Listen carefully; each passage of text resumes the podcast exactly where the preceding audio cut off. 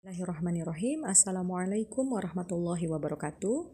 Artikel singkat muslimahnews.com berjudul Impor Daging di Tiga Simpang Kebijakan antara Swasembada Daging, Revitalisasi Peternakan, dan Korporasi Sapi Potong.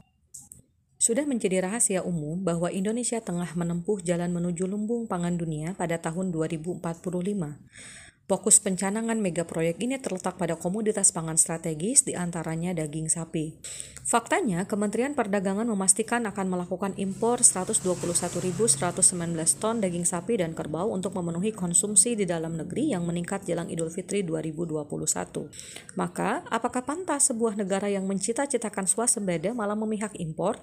Saat ini peternak menghadapi persoalan pasar monopoli dan oligopoli pada agro inputnya. Di sisi lain, ketika menjual produk peternakannya, para peternak menghadapi pasar yang monopolistik di mana posisi tawar peternak sangat lemah dalam menentukan harga.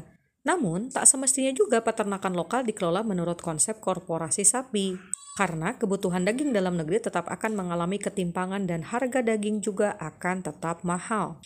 Peliknya persoalan peternakan dan sumber daya daging ini dapat disolusi oleh khilafah secara tuntas tanpa harus menjadikan komersialisasi sebagai faktor utama yang menghalalkan segala cara.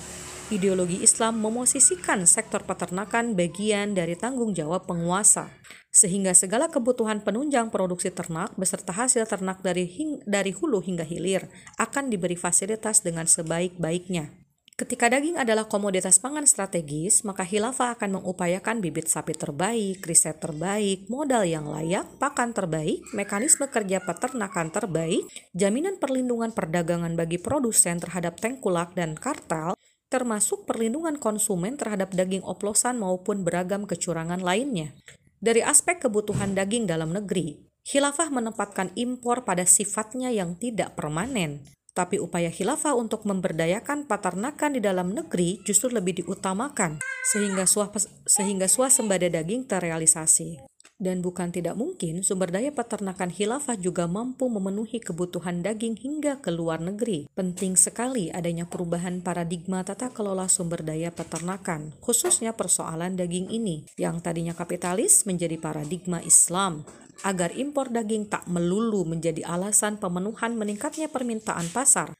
Aspek riayatus syu'unil ummah harus dijalankan dengan sebaik-baiknya agar daging sebagai komoditas pangan strategis dapat diposisikan secara tepat dalam rangka memenuhi kebutuhan masyarakat yang menjadi tanggung jawab kepemimpinan seorang penguasa. Wallahu a'lam bishawab. Wassalamualaikum warahmatullahi wabarakatuh.